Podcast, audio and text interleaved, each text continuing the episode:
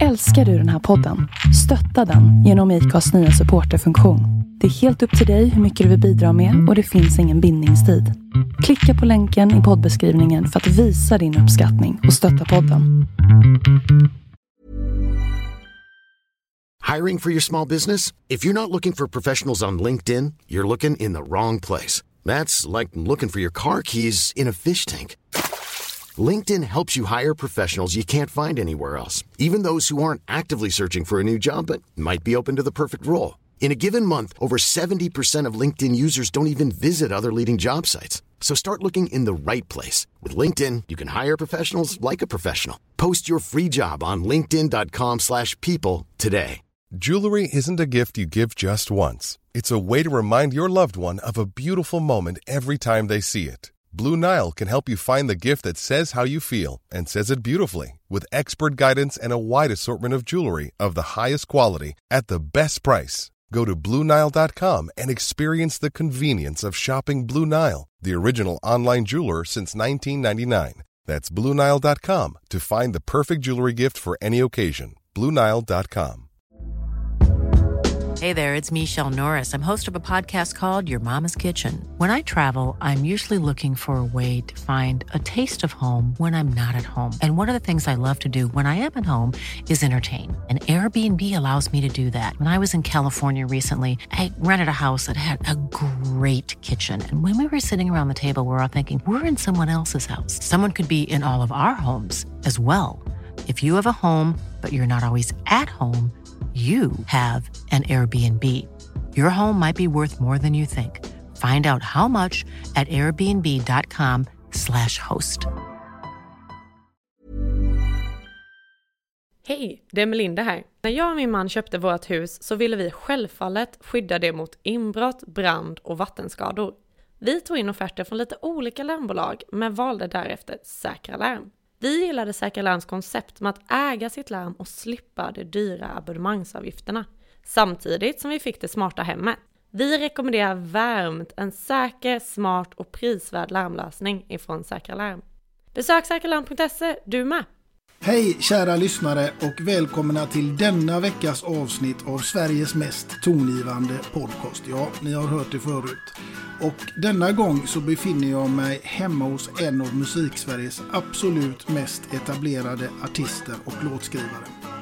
Hon har sålt över 200 000 album och vunnit två Grammisar, erhållit fem Rockbjörnar och medverkat i Melodifestivalen. Och utöver det så har hon också sitt eget artisteri där hon har haft stora framgångar som låtskrivare åt andra artister. Hon kan utöver detta även titulera sig som programledare och expertkommentator och faktiskt även författare. Låt mig nu med största stolthet och respekt välkomna Lisa Miskovsky till detta avsnitt.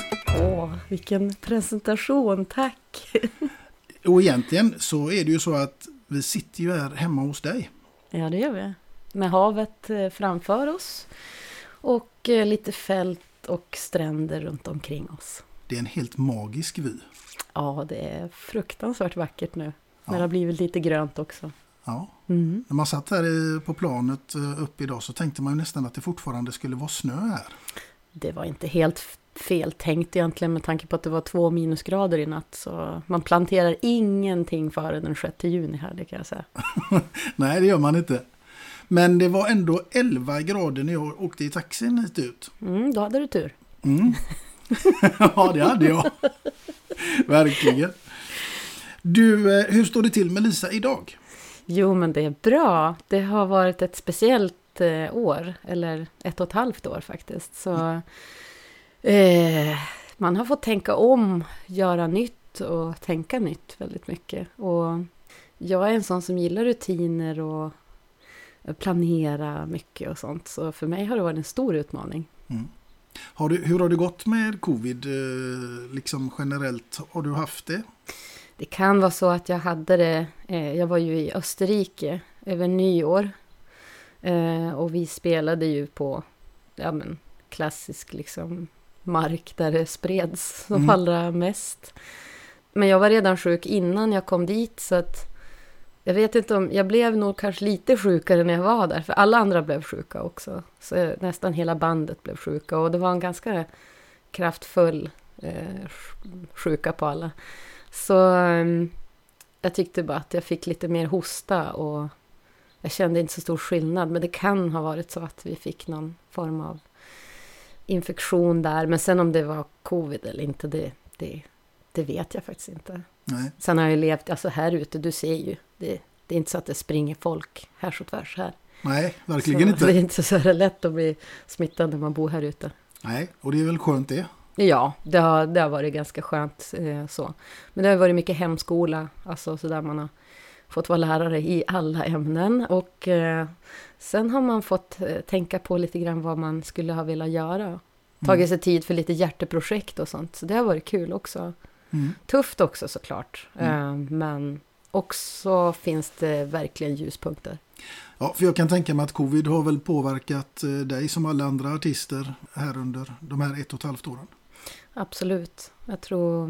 Vi har pratat ganska mycket om det, vi som har som håller på eh, med musik och sådär. Och alla har sina egna historier. Och det är faktiskt också, det, ja det är spännande. Men en del har ju haft det fruktansvärt tungt. Så att vi har ju försökt hjälpas åt. Vi som från både restaurangbranschen, där jag har många vänner som jobbar eh, i. Och även eh, oss musiker, att man försökt hjälpa varann. Att när det har varit som allra värst så har man liksom, man har lånat ut saker, man har sett till att eh, man har använt dem ja, men som bidrag som man har fått till att eh, stötta andra. Alltså inte... Man har ju klarat sig liksom. Mm. Och så jobbade jag extremt eh, hårt, alltså innan just pandemin kom. Mm. Så den lönen har som pytsats ut över, alltså 2019s inkomster har ju som pytsats ut över det här året i, i liksom en takt som har gjort att man har liksom hållit sig över ytan sådär. Så, så att jag tycker att det har, varit, det har varit fint att få hjälpa andra och tänkt sig, vi sitter ju alla i samma båt. Man vill ju inte att någon ska gå i konkurs för det är ju ändå de man jobbar med och ja, man har försökt ha förståelse och, och liksom respekt för varann. Så. Det är väldigt fint. Ja, det är ju det. Alltså, och nu, nu är det som att saker och ting börjar öppna upp igen och vi, vi kom ut liksom på andra sidan. Vi är inte helt där än. Det är som att hela branschen går på kryckor än. Mm. Men uh, vi är liksom på väg åt rätt håll. Absolut. Och du eh, Lisa, den här podden den handlar ju faktiskt om just musik. Ett ämne som du lever i till vardags. Men den är kanske lite annorlunda. Men jag tänker ändå att musik är ju ett ämne som berör de allra flesta människor. Ja, det gör det ju. Helt klart. Alltså på något, på något sätt. Jag har mött väldigt få människor som säger att de inte blir påverkade alls oavsett vad de hör. Jag tror att det är undermedvetet ibland. Alltså hos människor hur, vad det gör med en. Mm. Och jag måste ju fråga dig naturligtvis. Vad är ditt liksom absolut första minne som du kan härleda till från just ämnet musik? Ja, det måste ha varit när jag stod vid pianot när jag var liten. Vi hade ärvt eh, från de som... Ja, det var någon som var där och byggde eller någonting. Men det, det råkades lämna, lämnas kvar ett piano på något sätt som vi fick ta. Ett orange piano. och jag, jag gick lös på det där pianot och ritade på alla tangenter så jag skulle komma ihåg hur melodierna gick. Och det såg inte klokt ut. Men eh, det var Alltså jag spenderade från när jag var bara några år. Alltså jag kunde stå där i timmar mm. i lekrummet. Då. Så. Jag tänker, var det någon speciell låt som du liksom... Eh, första minne liksom? Jo, men det var en låt som min pappa lärde mig. Eh, det var typ tre ackord tror jag. Aha. Pappa var ju, hade gått konservatoriet i Prag som på kontrabas. Pluggade med basisten som sen också skulle spela med Miles Davis och det var ett bra gäng där. Nej, men han, lär, han lärde mig en låt på tjeckiska faktiskt som jag lärde mig när jag var liten och den sjöng vi tillsammans. Så det var en sån, det var, det var en, det ett fint minne. Ja. Vad var det för låt då? Du, jag vet faktiskt inte, men jag, jag kommer ihåg den. Men, men eh, jag kom, jag kom faktiskt inte ihåg vad texten betyder. Jag måste fråga honom igen. Jag kanske ska överraska honom nu när han fyller 80 i sommar ja, och spela den. Ja. Han kommer kan... bli chockad. Ja, och så kan du... Tack för att du liksom påminde mig. Ja men alltså det, det, här, men det här, nu fick jag en jättefin idé. Det kommer bli grymt nu i sommar. Tack. Ja, ja du, eh, musiken, när kom den in i ditt liv liksom på allvar? Ja, alltså den har ju alltid varit med som har haft något slags allvar i ens liv, även från när jag var liten. Jag eh, läste mycket sagor. Eh, min pappa var också med i så teatersällskap med dockteater. Det var väldigt stort i, i Tjeckien. Så han berättade alltid när det blev strömavbrott så berättade han sagor för oss. Så vi ville alltid att det skulle vara strömavbrott så vi kunde tända upp en brasa och sitta och lyssna på hans fantastiska sagor. Och eh, jag läste mycket sagor själv när jag var liten. Bröderna Grimm och liksom, ja men alla de här klassiska sagorna. Och så tonsatte jag vissa av sångerna i sagorna som inte hade melodier. De läste jag in eh, och spelade alla karaktärer tillsammans med min lilla syster på kassettband. Och då sjöng jag och hittade på melodier till de här sångerna som fanns i sagorna också. Så att det började ju, ja, det började tidigt. Så att jag har som alltid gillat att skriva eh, eget.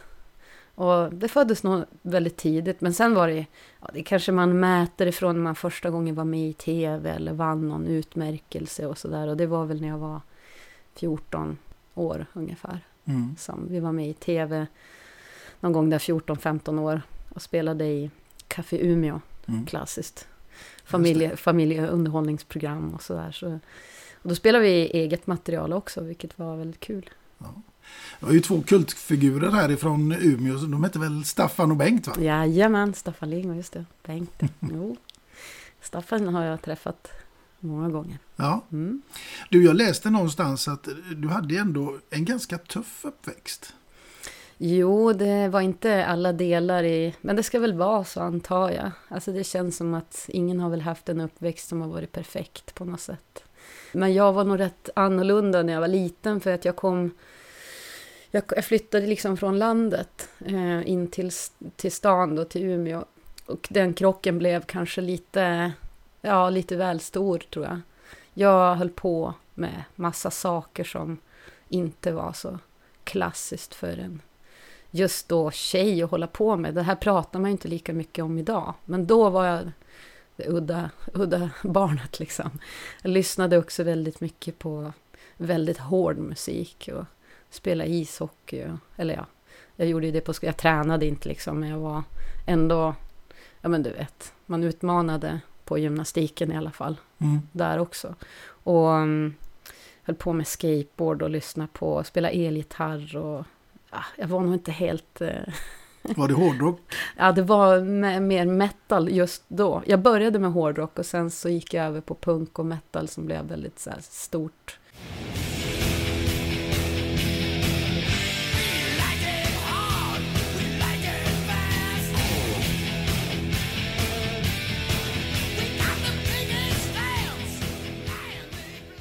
Fortfarande när jag kom tillbaka till den genren så känner jag mig trygg. Liksom. Det, det har väl med att man genom de tuffa skolåren som, som följde vid flytten där så vart det också en tröst just att man, man hade sin musik liksom. Mm. Som var min. det var min stil. Det var ja. jag som hade upptäckt det. så in, ingen kunde komma och ta det liksom. Nej. Sen kan de göra vad de vill men, men jag tänker inte ändra på mig. Liksom. Nej. Och du är ju en tjej med otroligt många strängar på din lyra, det får man ju ändå säga.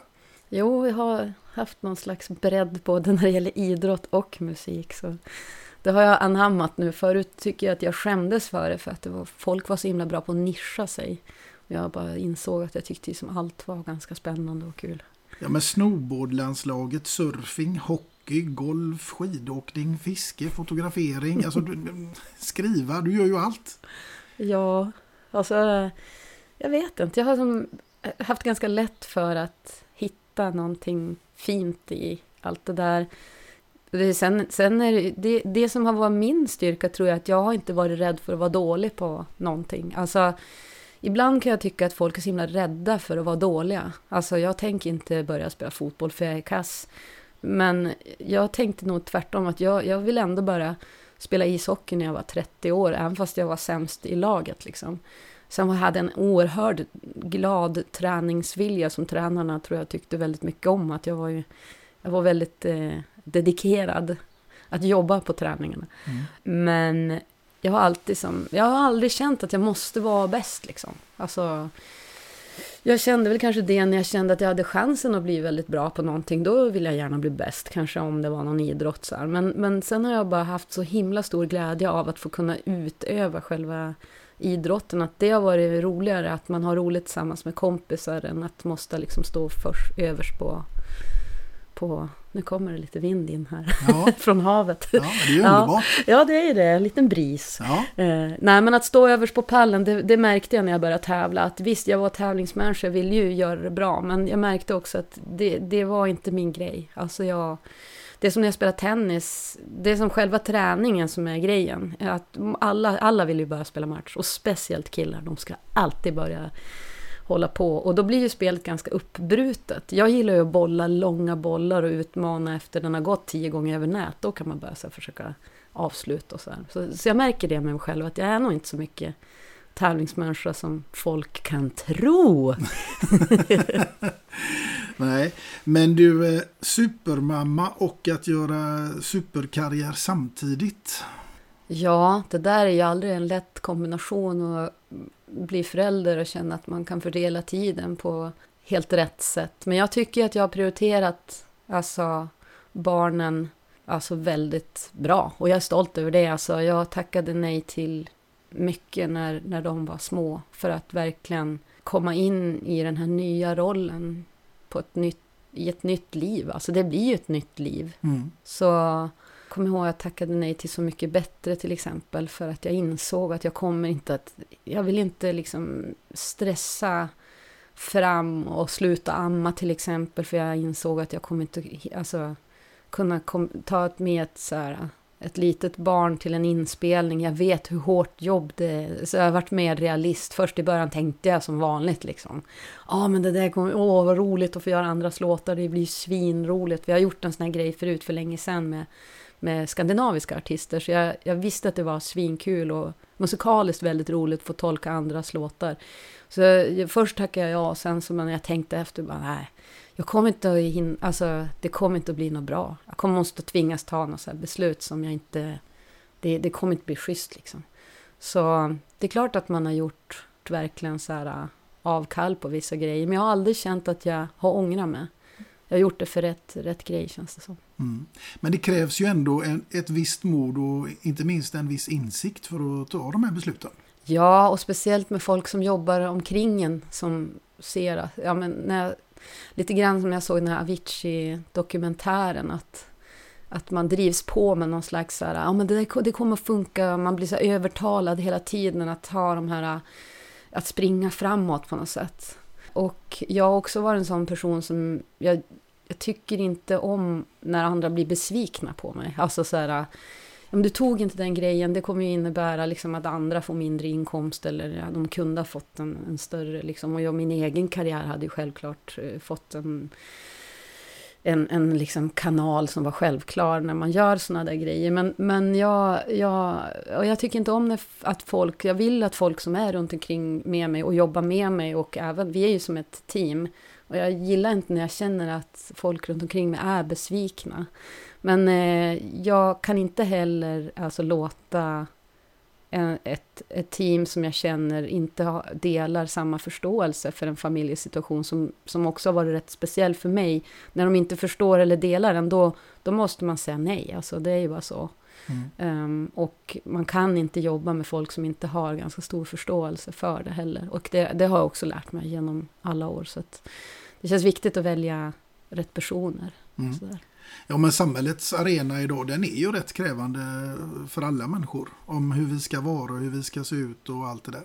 Det är ju faktiskt så. Men ingen ska komma och säga åt mig liksom om jag själv tycker att det är bra att det var dåligt. Då, då, jag vet själv när jag är dålig. Det, mm. det, jag är ganska självkritisk så jag behöver inte ha någon annan som, som talar om det för mig. I know. I know. ja. Du, eh, du har ju också kämpat väldigt mycket med din dotter. Mm. Och det fick ju vi ta del av i eh, ditt fantastiska program som sommarpratare. Ja, just det. Mm. Då fick man visa och berätta om en annan sida av livet som är ju den huvudsidan egentligen. Vilket var väldigt fint. Det gör man som ganska sällan egentligen. Mm. Det var ju enormt uppskattat. Ja, det blev det. Och jag tyckte det fanns en väldigt fin community som jag fick ta del av. Liksom, som jag inte har stött på tidigare. Med, man kände sig inte så ensam. Men jag tror att man kan göra det när man, när man inte riktigt förstår. Eller man försöker förstå saker som man aldrig mött liksom, på ett sätt att lära sig att kommunicera på ett helt annat sätt än vad man är van vid. Mm. Och det fanns en stor törst, tror jag, från många andra också som ville dela sina erfarenheter. Så det var väldigt fint. Det var som en stor, man fick som en stor kram Mm. efteråt av Mm. många. Och det handlade ju om din dotter som Mm. är autistisk. Mm, precis. Mm. Jo, det, det har varit en speciell resa och jag har fått så mycket mer förståelse för vuxnas och barns... Om man, om man, är, om man agerar på ett litet annorlunda sätt så har min förståelse såklart utökats och jag kan se det där ganska tydligt idag. Därför så dömer man inte på samma sätt som man kunde göra förut och bli liksom men varför trängde sig den där i kön? Eller varför sprang den ut? Eller varför skrek den personen? Mm. Alltså mig, alltså när jag bara försökte... Nu ser jag ju som oftast en, en koppling till saker som gör att jag kan möta också på rätt sätt. Och den rädslan för ett annorlunda beteende är ju helt borta. Ja, men det är ju helt underbart. Så det är faktiskt, man har vunnit sjukt mycket rent att bli en bättre människa, alltså tycker jag. Ja, verkligen. Det handlar ju verkligen om att öppna ögonen och se saker ur ett annat perspektiv. Ja, exakt. Och man kan också se när det finns en, en viss typ av liksom, eh, problematik i kommunikation. Där andra bara, hur kunde hon säga och göra sådär? Alltså, vi har gjort precis som hon sa eller den sa. Men nu sa hon något helt annat. Och då frågar jag, men vad sa ni då för någonting? Ja, men vi sa ju så här. Ja, men då förstår jag precis vad, vart det har blivit fel. För jag vet att den här personen tolkar ordagrant. Och när ni har sagt det här på det här sättet, då... Det är som någon sa åt någon elev att ah, nu får du gå ut ur klassrummet, nu, har du, nu får det vara nog liksom. Då gick den eleven ut på skolgården i sockar och bara, vad ska jag vara här ute? alltså, det är ju liksom, det, det är en helt annat sätt att tolka in ord på. Och det är väldigt fint att kunna som parera det på ett sätt där man har förståelse istället för att bli skitarg. Det kan man ju bli om folk är arroganta sådär, men jag kan se skillnaden mer med arrogans och att det finns en annan, det finns ingen ond känsla bakom liksom. Nej, precis. Nej, det är bra. Du, eh, på tal om känsla. Nu ska vi se vad du har för känsla. För nu ska vi landa tillbaka lite här i ämnet musik. Och vi ska leka lite med din fantasi, Lisa. Och det är kanske inte är så svårt i den här miljön vi befinner oss i nu. För Nej. att eh, du ska få leka med tanken om att du får åka till en öde ö. Och du får bara ta med dig en enda platta dit. En enda platta. Ja. Och nu vart jag så störd av grannens motorsåg här så jag kan inte tänka. Det är ju sådär, det är som en stor grej att få ta med sig en enda platta. Åh, vad skulle det vara för någonting? Ska vi stänga dörren? Tänkte att det kanske varit lite mycket motorsågsmassaker. det kan ju skrämma vem som helst. Jag tror jag gör det. Jag tror faktiskt jag stänger dörren. Jag ska fundera medan jag går här nu. Ja. Åh, åh, hej. Okej, eh, en öde ö. Vi, vi, vi blickar ju ut på en ö här ute. Mm. Och så tänker jag att jag ska leva där. Hur länge liksom? Ett år. Ett år? Oh, det måste ju vara någon lång. Som är många låtar. En platta med en artist alltså. Nej, du kan ju ta Best of. Ja, det är ju sjukt svårt. Men Mm. har de LP-spelare på ön då? Ja, det, det finns allt där nere när det kommer till just det. Som det är en Ja. LP-spelare eller CD-spelare eller vad det nu är. Det finns. Ja, Mm. nej, men det är svårt att välja. Det finns så sjukt mycket bra. Nick Drake också, alla hans plattor nästan. är Du får bara välja en. Men det är det som är så svårt. Ja, kanske Joni Mitchell då. Mm. Ja, då får det bli den. Jag tycker hennes texter är så...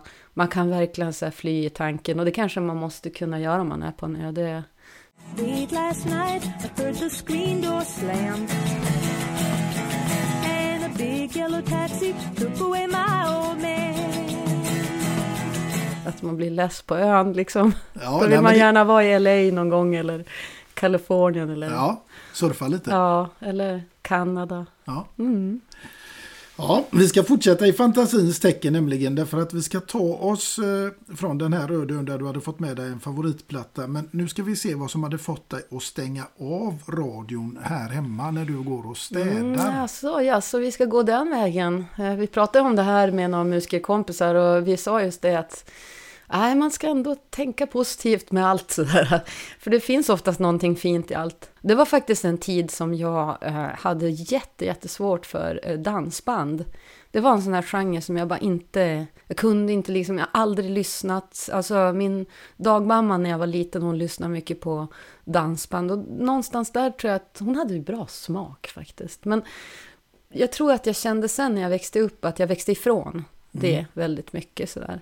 För när man var liten så gick man ju ut på dans. Jag bodde ju på landet så det fanns ju någon relation till det.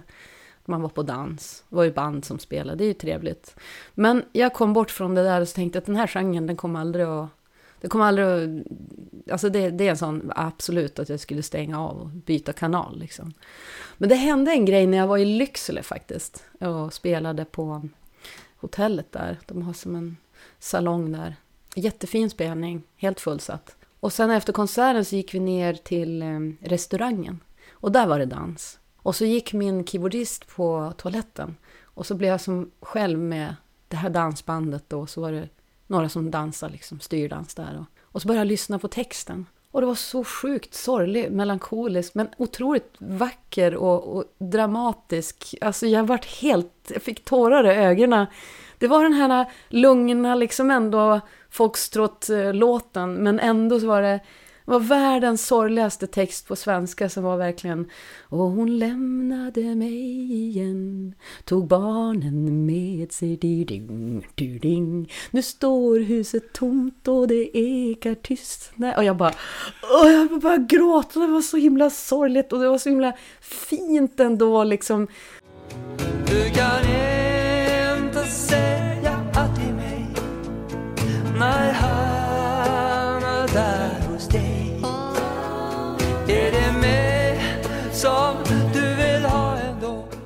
Det var så innerligt så jag bara, nej, jag kan inte hata det. Det var så himla fint. Men, men den, den gick ungefär sådär, alltså Ja. liksom på ett ungefär.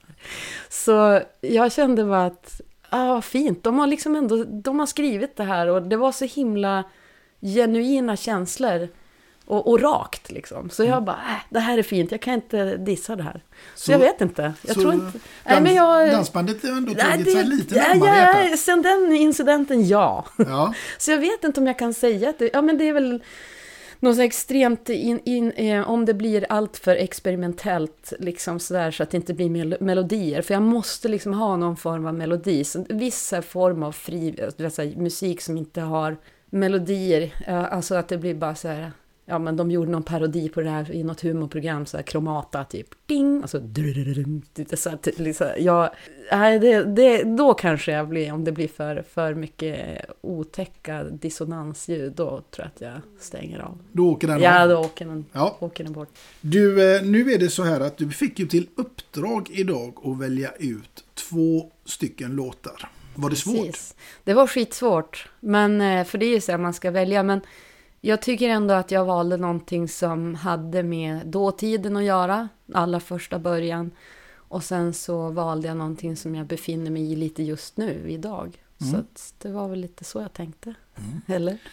Och jag är ju extremt nyfiken för jag har ju inte fått veta här på förhand. Så att eh, ditt första låtval tänkte jag att vi lite lätt skulle smyga in på. Vad det är du har valt och inte minst varför. Ja, alltså jag valde en låt som heter Kalle Blåmes. Med James och Karin. Djurens brevlåda. Jag lyssnade på dem när jag var liten.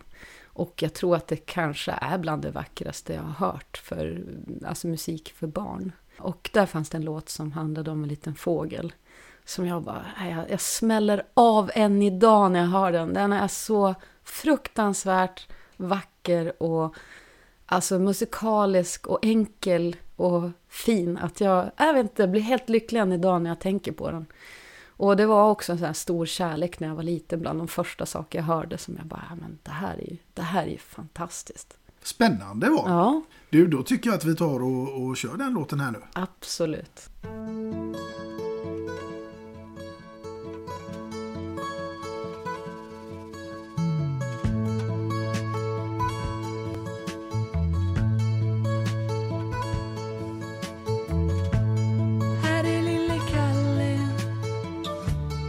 i sin lilla ljusblå hatt.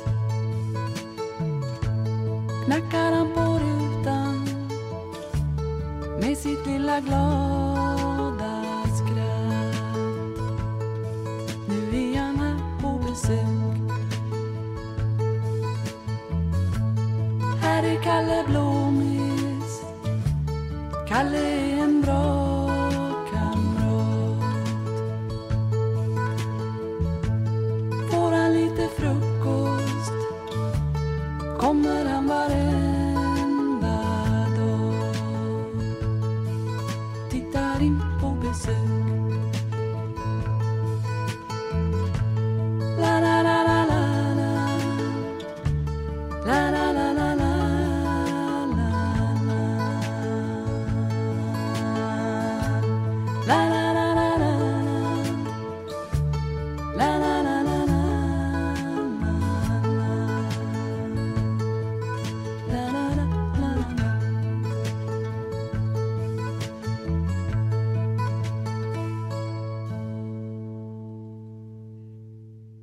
Ja, ni har just lyssnat på Kalle Blåmes från James och Karin Djurens brevlåda.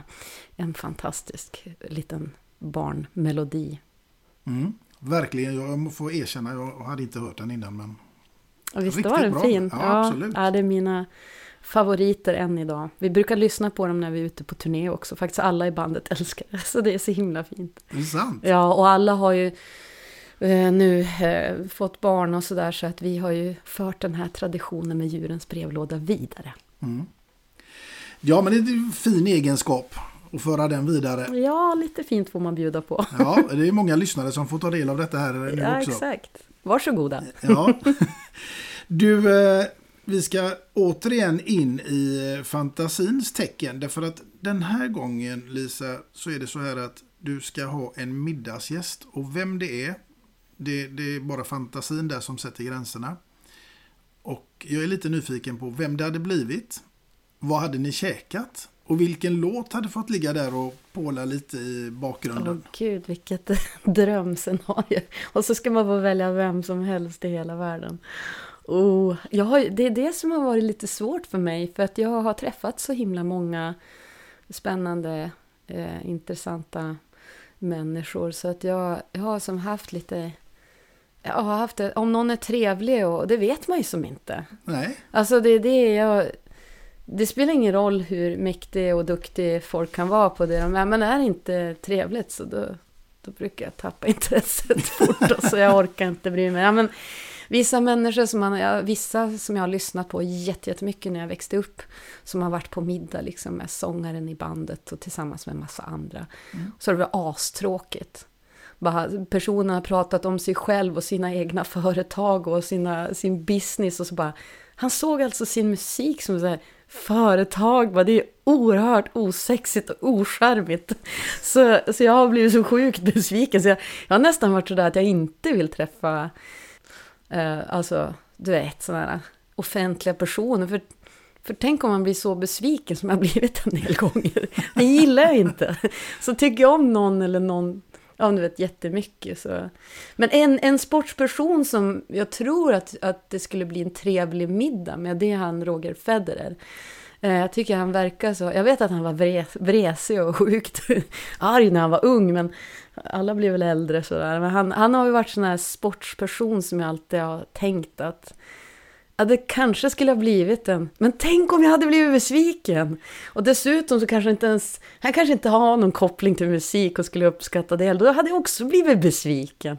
Tänk om man inte har någon favoritmusik eller inte, du vet såhär. ja men om inte om hade funnits. Nej men okej, ja men då hade någon kanske valt han ändå om jag tänker på all tennis som jag har sett och spelar mycket tennis med farsan och min mamma.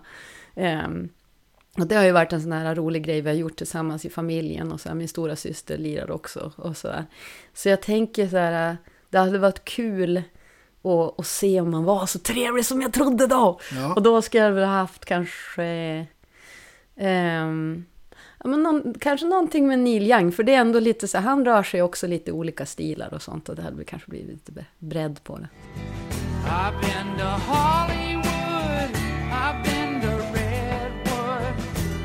I crossed the ocean for a heart of gold. Mm. Ja, ja, och vad, ja. vad hade ni käkat då? Vad vi hade ätit, eh, just nu är jag inne på asiatisk mat, någon sån här fusion asiatisk. eh, Det har blivit i, i pandemins spår här att man har ju fördjupat sig med matlagningen då. Men, men eh, ja, men kanske någonting sånt alltså. Mm. Det är spännande. Det låter ju gott. Ja, det, det blir ju skitgott ju. Ja. Jag kan faktiskt laga mat nu för tiden. Det gjorde jag ju inte för 20 år sedan, eller 15 år sedan. Då jag var sämst. Jag tror jag var den sämsta. Jag, jag kunde inte äta det jag hade själv lagat. Alltså, det var så fruktansvärt pinsamt. Jag skulle bjuda på middagar och folk satt och petade och bara, ja det var ju en intressant sås där. Och jag, alltså, det var helt vidrigt. Jag kunde inte ens göra lax i ugn liksom. Det är helt sjukt, men det är sant. Det är så? Ja, men nu gick jag matlagningskurs och så har jag stått i köket med farsan. Han är skitduktig. Så nu, nu, nu kan jag bjuda. Nu ska jag bjuda dig på lunchen här idag. Ska Ja, jag. det ska bli jättetrevligt. Ja. Jag ska inte sitta och peta i maten. Nej, det hoppas jag inte, för då blir jag besviken. nu har jag skrytit upp mig själv. Ja, men du, vilken är din paradrätt då? Min paradrätt, ja du, alltså... eh, Som du ska laga alltså? Ja, nej men eh, jag har ju skrytit mycket om mina wraps. så det har jag snackat om i sex år till min sambo. Han bara, jag får äta de där wrapsen snart. Och det gjorde vi faktiskt för en vecka sedan. Men han var mycket eh, imponerad så det blir en variant av det som vi ska äta idag. Inte riktigt kanske originalet. Men det är lite med syrat kål och syltad lök och sallad. Och sen kan man göra den vegetarisk. Då kan man ha liksom eh, lite eh, jobba med korn, smaksätta det. Eh, och så ska man ha någonting rökigt också. Man kan ha sidfläsk eller så kan man ta något annat eh, ja, men med svamp och sådär som man kan också jobba med lite rökighet. Och så sen så, ja, så gör jag en egen chilimajonnäs till det. Och eh, det blir lite sån, det blir många smaker som kommer både starkt, sött, alla de här umami. Det låter ju extremt Ja, spännande. ja, ja, exakt. Ja, så eh, det, det är nog min paradrätt tror jag. Det bjöd jag hela mitt hockeylag på en gång. Jag lagade mat i tre dagar innan de kom och så bjöd jag dem på tre rätter. Så det var sparris cappuccino till förrätt och så var det de wrapsen till huvudrätt. Eh, då jobbade jag också med oxfilé. Det blev en dyr middag också. Det låter så. och så sen, sen var det chokladganacher till efterrätt. Ja. Men ni tjänade väl bra på den tiden för du spelade ju med Björklövens damer. Ja, exakt. Ja, eller hur. Man tjänar svinmycket när man spelar damhockey, frågar de. Alla jobbar tre jobb och, och köpte all sin typ utrustning själva och så här. Det är lite bättre idag, Ja. men det var tufft Träningarna alltså. börjar klockan 22. Eller hur? Du vet det. Vi fick ju de mest... eh, Men för mig var det fantastiskt, för att jag hade ju barn. Och då kunde jag hinna lägga dem innan jag åkte iväg på träning, så det var helt perfekt egentligen. Och ja, då kunde jag sitta så här länge i omklädningsrummet och bara vika ihop allting helt perfekt i backen och sånt där. För jag behövde inte stressa hem, då låg jag ändå och sov. Har ni inte gjort någon låt till Björklöven Hockey? Jo, men det är på gång faktiskt. Jag har börjat skriva en. Tänkte Ja. att det skulle bli någon slags duett. Det Ja. finns ju spelare som sjunger så här i laget. Så då. Jaha, vilka då? Ja, men det finns en som heter Fredrik Andersson i Björklöven nu som är lagkapten som, som också gillar musik. Och han, han har jättefin röst. Så vi, vi har musicerat lite grann. Vi är peppade på att göra någonting ihop. Spännande. Absolut. Nu kommer vi in på en annan fråga här då som har också med musik att göra och det jag är lite nyfiken på. Vem hade fått skriva låten om Lisa Miskovsky? Oh, alltså vem som helst. Ja, alltså jag hade alltid velat höra en, en Joni Mitchell-version av, eller, eller kanske War on Drugs-version av, av om de skulle skriva om mig, vad skulle det bli? Ja, Ja, vad skulle något det bli? sånt. Ja, men Joni Mitchell hon är en sån här sann berättare. Det är också, tycker jag, Neil Young och det gänget liksom sådär. Eller David Bowie, men det blir svårt. Ja, fast du, du, får ju, det är bara fantasin Ja, som sätter gränserna. Ja, men då, då... Ja, men kanske David hade kunnat skriva något Ja, spännande. det tror jag alldeles säkert. Ja, det Ja. hade varit intressant. Vi ska ta oss nu från eh, David Bowie då till, till Lasse Berghagen. För jag, jag har hört att du är döpt eh, efter en eh, Lasse Berghagen-låt. Jajamän, det är jag. Och eh, det var så fint när vi fick träffas. Jag tror det var 2012 där. Då träffade jag honom första gången. Och det blev en sån här, det blir li- lite speciellt ändå när han fick veta att jag var döpt efter hans låtar. Lisa med basketdojor så blekt. Lisa. Och det, det tyckte mina föräldrar, det var en perfekt beskrivning av, av mig. Så, så det har varit ett väldigt fint möte och vi håller kontakt. Han fyllde år här nu och jag skickade honom min senaste LP-skiva. Och vi försöker höras då och då, höra hur det är och så här. Jag träffade honom när jag var i Stockholm inte för allt för länge sedan. Och det var alltid väldigt varma möten. Så har, sen har vi, han har, ja, vi har gjort några spelningar tillsammans med han och hans fru. De ordnar lite spelningar eh, också. Så att eh, det, har bli, det blev en hel del. Alltså, det blev en jättefin vänskap av det. Mm. Tänk vad musik kan göra. Ja, eller hur? Mm. Och den ledde ju också till en bok. Hur törs du Lisa? Mm, precis. Jo, det var ju när jag var ganska ung var jag, måste jag säga. Jag var inte mycket äldre än 20. Men eh, jag tyckte att det var lite sådär av mina egna erfarenheter av att vara lite eljest. Och att, att våga vara det också. Att inte låta andra försöka forma en om man känner att man ändå är nöjd över det man är, att det är inget konstigt med det. Så tycker jag att det, det är väl viktigt att stå på sig. Och just det här, ibland som jag upplevde tjejer, speciellt när man höll på med sport och sånt, så tyckte alla att de skulle vara bra på allting direkt från början. Att det fanns en sån grej att inte få vara, att inte få ge sig tid och vara dålig. Jag tyckte killarna var lite bättre på det. Så det var liksom ändå eh, gjort som någon slags inspirationsbok och sånt där. Mm. Och kallade mig för någon slags actionfeminist, men jag vet inte. Det var svårt för sådana fack, men ja, ja. Ja, eller hur? ja. Men du, eh, var hämtar du all din inspiration någonstans? Ja, men om du blickar ut här över eh, den stora sandstranden och havet och jag ser att det blåser rätt håll så det kan bli lite surf här ute eh, om några timmar om det blåser på här. Nej, men jag samlar ju mycket inspiration av naturen och eh, har haft stor fördel att få bo eh, mitt i och nära och få ta del av det här som vi ser framför oss också är ju ett av eh, Norrlandskustens största fågeldelta. Så jag gillar ju fågelskådning. Och ja, det finns många Kalle Blåmes här ute som, som kommer och hälsar på på vårarna och åker på höstarna. Så, så att jag följer ju det här tillsammans med många andra såklart. Men det är ju en stor inspirationskälla att få vara i fin natur. Mm. Mm. Det finns någon här i familjen eh, som har lärt sig x antal fågelljud har jag också fått nys om. Ja, min äldsta dotter. De är båda två helt sjukt bra på fågelljud. Så vi körde igår när vi var på promenad här längs det. Här ser vi några fågelskådare komma gående faktiskt eh, ute vid strandkanten. Mm. Med små kikare i ryggsäckarna där ser jag. Eh, nej men jag, jag, vi brukar köra tävlingar. Vi fick en jättefin fågelbok av min mamma med 178 läten. Och eh, den plöjde vi oss igenom. Så jag körde ju tävlingar mellan varandra, de mot mig, men jag har aldrig lyckats vinna. Och igår hade vi en, väldigt het diskussion om det var en bofink eller om det var en talgoxe som vi hörde.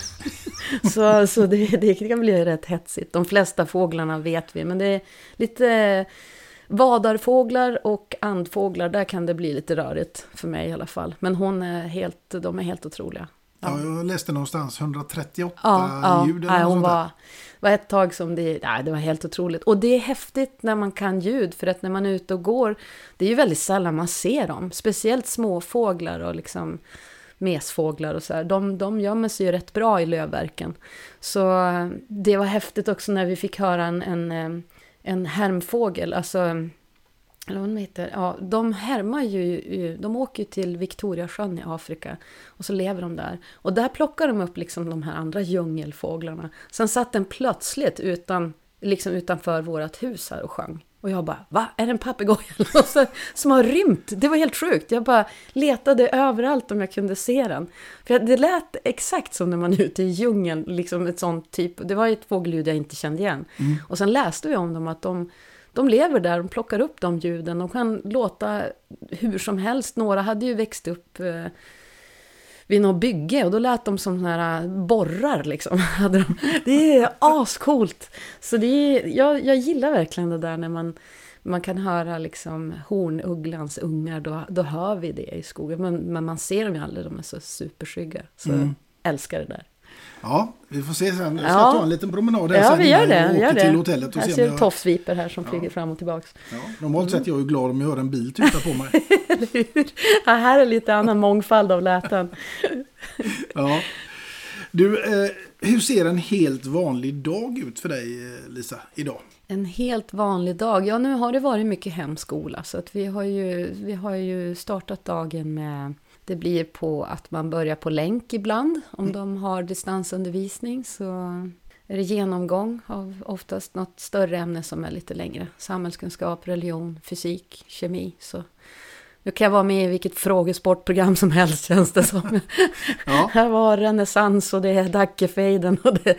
Ja, nej, men så då börjar vi med det och så, så käkar vi lite frukost, sen när det blir en paus och så sätter man igång med skolarbete fram till fyra ungefär. Och sen så är det lite hämtningar och skjutsningar, eh, lite aktiviteter, inte så mycket nu för tiden. Eh, sen åker vi mycket, vi har åkt mycket utför faktiskt. Jag har aldrig åkt så mycket snowboard tror jag det här året som, som jag har gjort liksom. Varje helg har jag nästan varit ute och åkt i, i Vännäs här. Det, de har haft väldigt bra med snö i år så vi åkte faktiskt sista gången 8 maj hade de parken öppen. Oj. Fantastiskt alltså. Jag hade så himla. Jag vågade hoppa i det största hoppet också, vilket jag aldrig trodde att jag skulle göra, men det gjorde jag.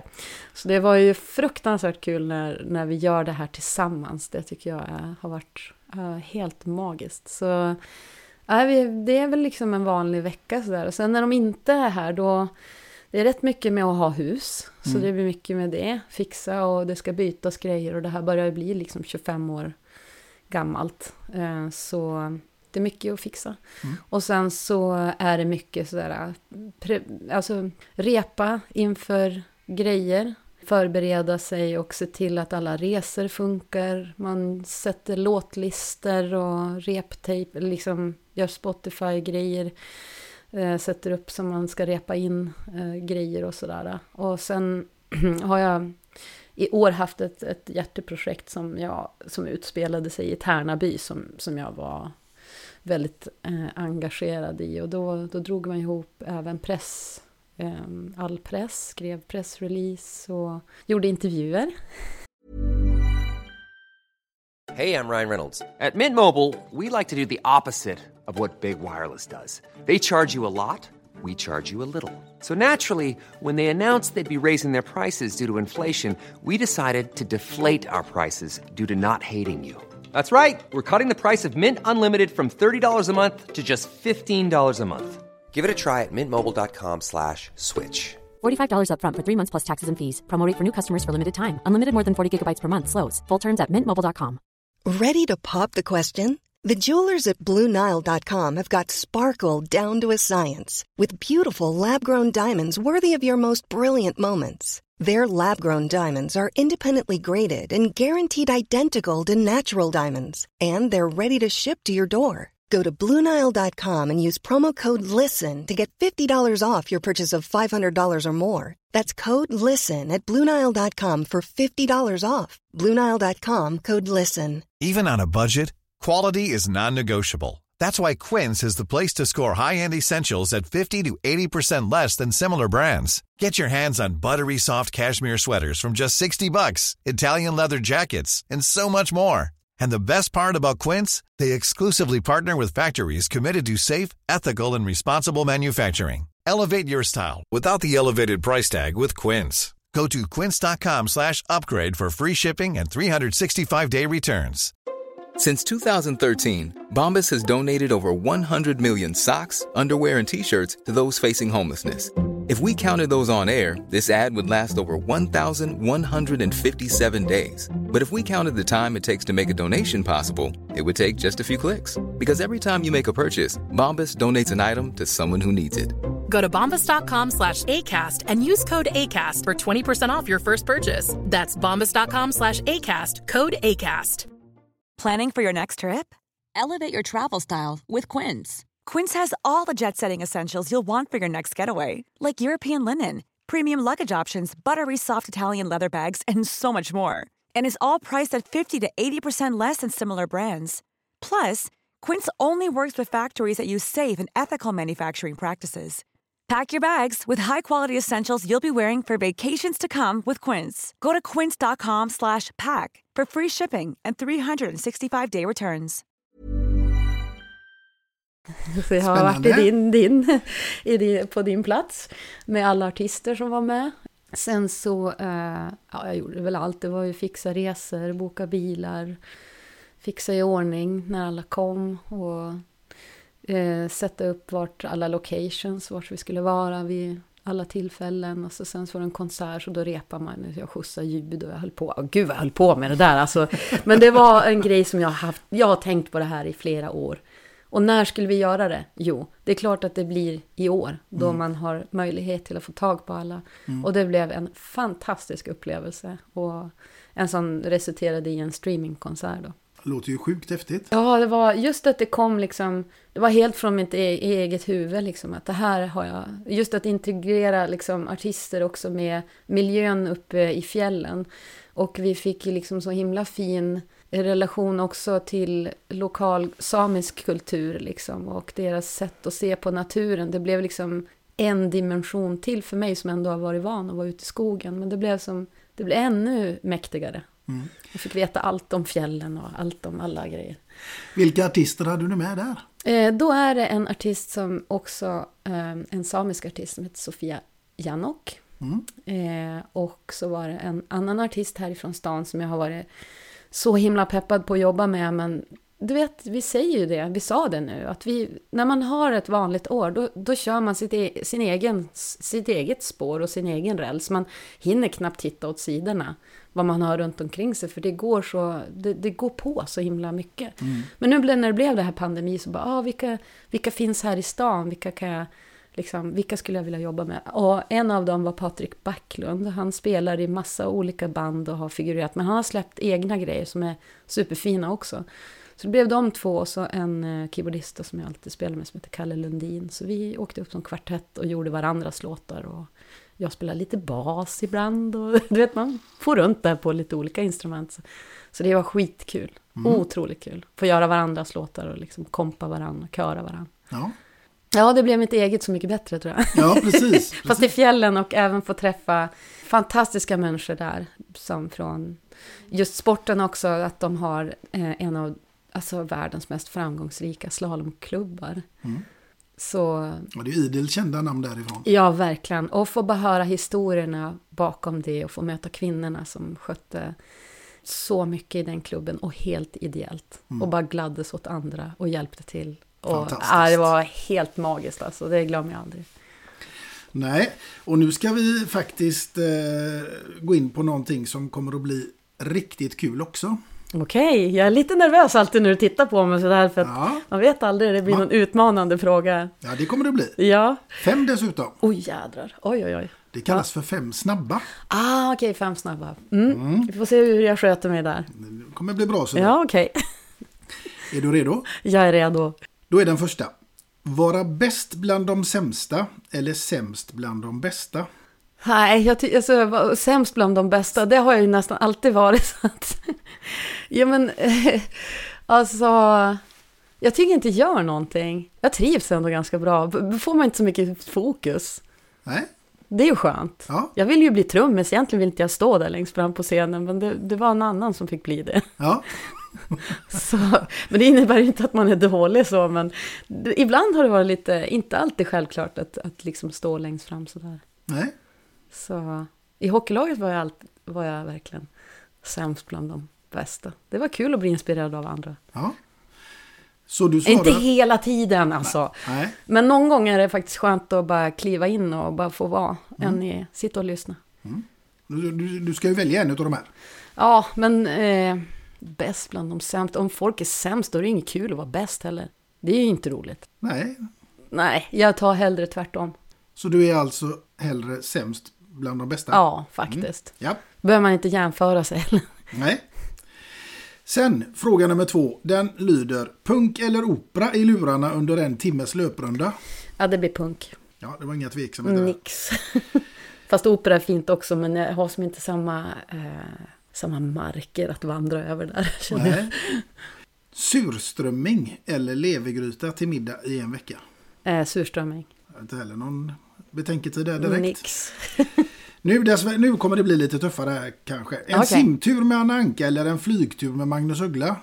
Oj, oj, oj, oj, oj, simtur med Anna Anka. Alltså jag höll på med simning när jag var ung.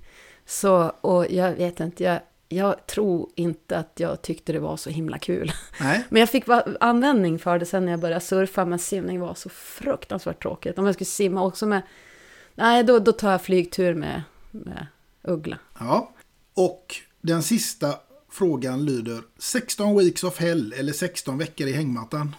Nej, då blir det hell alltså. Jag tycker det är kul och jag gillar det här med kost och ut med träning och sånt där. Så jag, jag tycker att det, det, hade jag, det hade jag velat egentligen göra bara för att känna hur det känns. Jag har ju som... Jag har Tonys telefonnummer. Ja, du har det? Ja. Ja, du ser ju. Och jag vet Kalle Moreus har ju varit med i det där. Så att eh, jag, jag tycker det är spännande alltså. Absolut. Skulle du anta utmaningen? Ja, det skulle jag nog. Tycker det är... Vet- Sen vet man inte hur mycket tid det tar. Alltså, man måste ju verkligen... Det är det där med, man ska ju ha tid att träna. Jag tror inte att jag är där familjemässigt än, alltså tidsmässigt. Men eh, någon gång i livet kanske man gör det. Nej, du får gå upp en timme tidigare varje dag bara. Du, är med all diabetes här nu och håller på. Så jag vet inte om jag pallar det alltså. Jag vill sova så länge jag kan alltså. Är du morgontrött? Ja, det är jag. Jag är ingen morgonmänniska alls. Nej. Även om du inte är någon morgonmänniska så är du då uppenbarligen kvällsmänniska. Absolut. Och då är det så här att du är i final Jaha. i Let's Dance. Oh, inte allt för långt borta från sanningen, eller på säga. Nej, inte sanningen, men ja. ja. Med vem hade du dansat? Återigen bara fantasin som Ah, sätter Okej, gränserna. du tänkte som partner. Mm. Eh, Och till vilken låt? Oj, oj, oj, vad ska det bli? Det får bli Lasse Berghagen då. Han är Mm. så lång och reslig och stor så han han vill säkert kunna göra det där svanhoppet på, på något sätt. Då hade, ju, då hade jag också fått lite adrenalinkick och vara så högt över marken. Ja. Ja, nej men absolut. Och vad kan det vara? Då måste det bli någon av hans låtar liksom. Han tog av sig sin kavaj. Sparka av sig båda skorna och så spottade han ut snuset. Sa min sköna? Det hade varit kul att dansa med han. Ja. jag tror vi hade haft väldigt roligt. Ja, det tror jag med. Det låter så.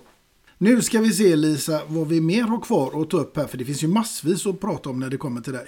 Och Ja. några saker som vi inte kan eh, missa här nu heller. Det är ju faktiskt att du har ju inte bara sjungit in en massa låtar och hit och dit. Utan du har ju också skrivit låtar. Mm.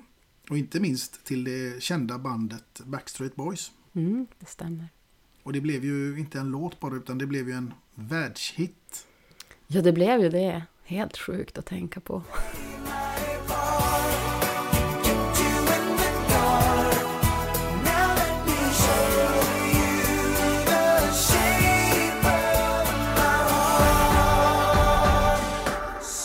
Ja, nej, det, det var en otroligt eh, speciell resa och det hände tidigt i min karriär också. Jag visste faktiskt inte vem, vem eh, Max Martin och ja, men Ram, jag visste inte vilka de var. Liksom.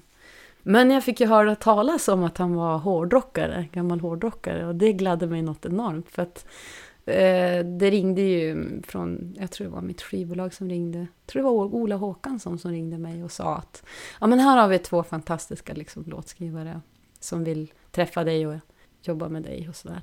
Och då tänkte jag så här, jag har ingen aning om, om vilka de är, men det, han, han lät som peppad på rösten, så jag tänkte ändå att det, det här är säkert något kul. Men sen fick jag veta att han, Martin hade varit med i ett band som heter It's Alive, och det liksom, då kände jag så här, äh, men det är hårdrockar det, det är lugnt.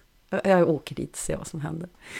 Så ja, vi höll på där under ett tag och sen så låg låten ganska länge.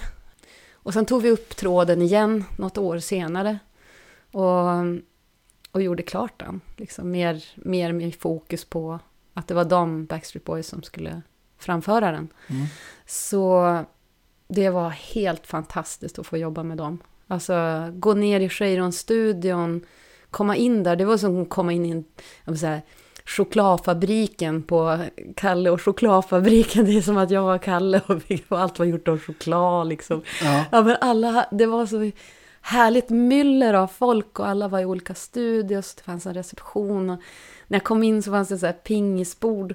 Och så hade de tejpat upp så Britney Spears på en sån här pappdocka med en sån här fasttejpad spade, alltså pingisracket i ena hand. Och sådär. Då märkte man att här finns det bara så här skön humor. Och liksom, det här är precis det jag skulle vilja vara i, i det här typet av kollektiv. Och det var bara, nej det var så himla kul. Ja, Ja. verkligen. Det kan jag tänka mig måste varit hur stort som helst. Ja, och jag kände som bara, jag tyckte bara att det var kul liksom. Jag, jag tänkte inte på vad det skulle bli eller vad det, jag fattade inte heller. Det gjorde ju Martin såklart och Rami som skrev sånt där och höll på med sånt där hela tiden. Men jag fattade inte riktigt liksom magnituden av det. Så det var bara så här skön, kul grej att göra. Men nu när jag tänker tillbaka till det så önskar jag med mig själv att jag hade kunnat uppskatta det kanske lite mer. För jag kanske var lite i steget, du vet, på vidare och inte stannade upp riktigt. Jag hade nog bromsat tiden lite grann om jag hade kunnat gå tillbaks. Mm. Men hur kom du fram till den här låten då, liksom eh, texten? Alltså hur... Nej, men de, så, de hade ju gjort eh, musik och liksom, det fanns ju en, en, en idé liksom direkt sådär. Och finns det oftast eh, ibland så här, eller men, när man har gjort grejer så har man haft idén, har man kommit med det liksom, grunden. Som man jobbar med Jocke Berg också, han har ju väldigt tydliga, det, det känns så himla enkelt. Alltså det är så lyxigt och än att bara börja så här helt blankt och bara ta en ton direkt, börja så. Det är alltid kul när det finns en idé liksom att börja med. Eh, Så jag har spelat in så här 520 000 sådana där idéer på så min telefon som jag har. Men det är alltid härligt att ha någonting och, och, och det var enkelt. De hade som en tydlig idé vad de ville göra, det var lätt att fatta. Och, ja, det, var, det var faktiskt otroligt kul. Alltså. Det, var, det var lätt och roligt att jobba med dem. Det var så generöst också, liksom, på alla sätt och vis. Mm. Härligt. Mm. Ibland kan det vara så. Och ibland Ja. får man jobba som tusan. Ja. Ja, jag har inte 520 000 idéer eller sådär, men jag har en i alla fall Jaha. eh, som ligger ganska nära till hands. Okej. Mm. Ska jag bygga vidare på den? Ja, du ska få eh, avslöja i alla fall Mhm. vad som är ditt låtval nummer två, för det är jag ju också Just såklart extremt nyfiken på. Mm. Jo, men eh, det får ju bli nutid, tänker jag. Mhm. Och eh, då tänkte jag så här att i och med det här hjärteprojektet som jag hade med Tärnaby så, så fick jag träffa en annan kvinnlig artist, just Sofia Janok, som lärde mig och har fått mig att se naturen på ett nytt sätt, trots att jag har varit i naturen i hela mitt liv. Men nu har den fått en, en tredje dimension sen jag träffade henne och det blev ett väldigt fint möte. Och eh, hon har gjort en av mina favoritartister, en, en svensk text till en av hans låtar. Och den heter Mitt skinn och ben. Och hon gör den också som duett tillsammans med en annan favorit härifrån Umeå som heter Annika Norlin. Så den tänkte jag att vi skulle lyssna på. Kom mitt skinn och ben, håll året ut.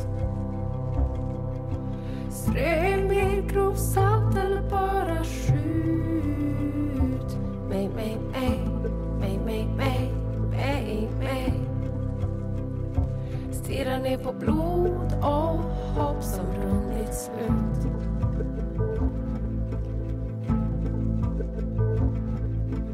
Jag sa till mitt hjärta tagga ner. Låt mig falla, skär loss alla rep. Ner, ner, ner, ner, ner, ner, ner, ner. Nu är det för tungt att palla mer. Jag sa du måste orka. Jag sa var schysst mot mig jag sa du måste tåla, du måste vara okej. På morgon när vi vaknar finns inget av oss två.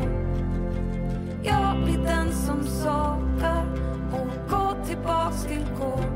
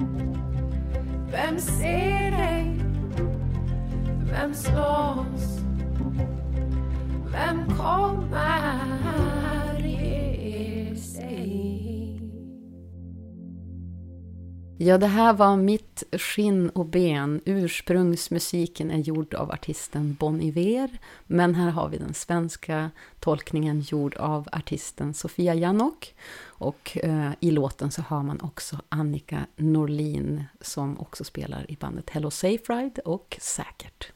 Den här låten liksom påminner den en hel del om, om ditt liv liksom. Ja, det tycker jag. Jag skriver mycket om relationer. Och det gör ju både Annika och Sofia också. Båda bor ju här i Umeå också, så att det präglas ju också i ens musik, vart man kommer ifrån och vart man lever liksom någonstans. Eh, det kan jag också känna igen mig i. Men att sätta ord på det här sättet av en känsla man har haft när en relation kanske har tagit slut. Det vart så här otroligt starkt för mig när jag hörde den här låten. Så det var så himla fint att någon kunde sätta ord på det på ett sätt som vart väldigt... Det, kom liksom, det blev rakt i ansiktet, så rakt in i hjärtat. Så att det, det var väldigt fint att få höra det. Det blev verkligen som en bra kalldusch. Mm. Jo men det, det där med att man alla påverkas av musik. Jag vet jag Mm. hade Caroline of Uggla som gäst här i podden. Då sa jag just det till henne att du, du är en del av min skilsmässa. Ja, men så är det ju verkligen. Man kan finna tröst eller man kan finna stöd av att känna att man inte är ensam. För någon har också upplevt det här på, på väldigt samma sätt egentligen. Mm. Och skrivit en låt liksom som man känner nästan att herregud, skrev hon den till mig? Ja, alltså verkligen. Jag håller med. Så nu ska det bli eh, att lyssna på väldigt mycket Lisa Miskovsky här i framtiden. ja, nej, men jag har nog skrivit om mycket olycklig kärlek och uppbrott, men också ibland om andras relationer och liksom tankar kring, kring det och människor man har mött, föräldraskap. Så det blir lite, men det är oftast liksom relationerna som ligger i grunden när jag skriver. Mm. Du, år 2002 så fick du pris som årets svenska kvinnliga artist och eh, även årets svenska nykomling med ditt debutalbum. Det känns ju som hela din karriär har varit en framgångssaga på något sätt. Ja, och tänk om man hade kunnat njuta mer då. jag tyckte bara att allting var inte tillräckligt bra och man var ju man var ju alltid på väg. Jag sa man var alltid i steget liksom. Man kunde aldrig stanna upp och vara lite glad och fira lite. Man hade inte riktigt tid med det. Så nu när jag ser tillbaks på det så, så undrar jag varför jag inte liksom kunde njuta av det. Men jag kanske, jag vet inte. Sen är det, jag har ju alltid bott här i stort sett. Mm. Och så har jag inte riktigt haft den här communityn som är på de här tillställningarna man tar emot de här priserna och så. där. Så jag har känt mig lite bortkommen ibland. Och då kanske man inte har kul liksom på samma sätt. Alltså jag, jag vill ju gärna, om man ska fira då vill man ha roligt. Ja, såklart. så det var lite, lite tråkigt ibland så att man inte kände så många som Många som ändå är där i branschen, de bor ju också i Stockholm, som känner, alla känner varann liksom. Mm. Men att stå ensam vid någon sån här bord, det är ju tråkigt. Men nu, nu, är jag, nu är jag tuffare, nu förhandlar jag alltid in några vänner eller någon som jag vet att jag känner, så då vet jag att det blir trevligt. Så att... Men du har ju en lägenhet i Stockholm. Jo, exakt, jag åker ju dit ibland, så att det är inte, inte så liksom. Men, men, ähm, ja, men jag har väl kanske inte varit där så mycket så att jag har och de flesta vänner jag har, det är liksom musiker eller folk som jobbar i restaurang. Så, så att det inte... Men några vänner har jag ju faktiskt som, som håller på och spelar in och fortfarande. Man, man uppskattar verkligen att träffa dem och så här. Men nu ser jag alltid till att det är någon sån som följer med. Då har man ju skitkul. Och att det finns ett pingisbord på varje tillställning. Mycket viktigt. Har du något här hemma? Nej, jag har ju inte det. Det är därför att eh, om, jag ska om, om, någon vill locka med mig på någonting, om de säger att det finns ett pingisbord, då kommer jag. Då gör vi så här Lisa, att nästa gång du är i Göteborg, Japp. då säger du till för vi har ett eh, jättebra pingisbord på jobbet på mitt kontor. Perfekt. Där man kan spela rundpingis. Ja, men jag, det är det bästa jag vet. Mm. Jag har ju varit med i så här rundpingis-gänget på, också i Stockholm på Söder där. Så där träffas man ju varje onsdag och så kvalar man ju till rundpingis-SM. Jag var ju så himla nära på att kvala in en gång.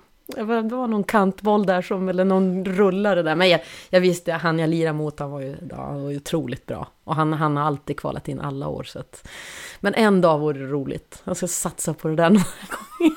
Jag bara får vara med. Det är ju skitkul grej just, rundpingis liksom. Ja, det är det faktiskt. Ja. Det är en sån där grej som man har hållit på med ända från man var liten. Eh, liksom. Eller hur? Fritidsgården Ja. och liksom, man tog en paus när man repa på skolan. Liksom. Det är det och schack som jag håller på med. Liksom. Ja. Det så himla kul är det.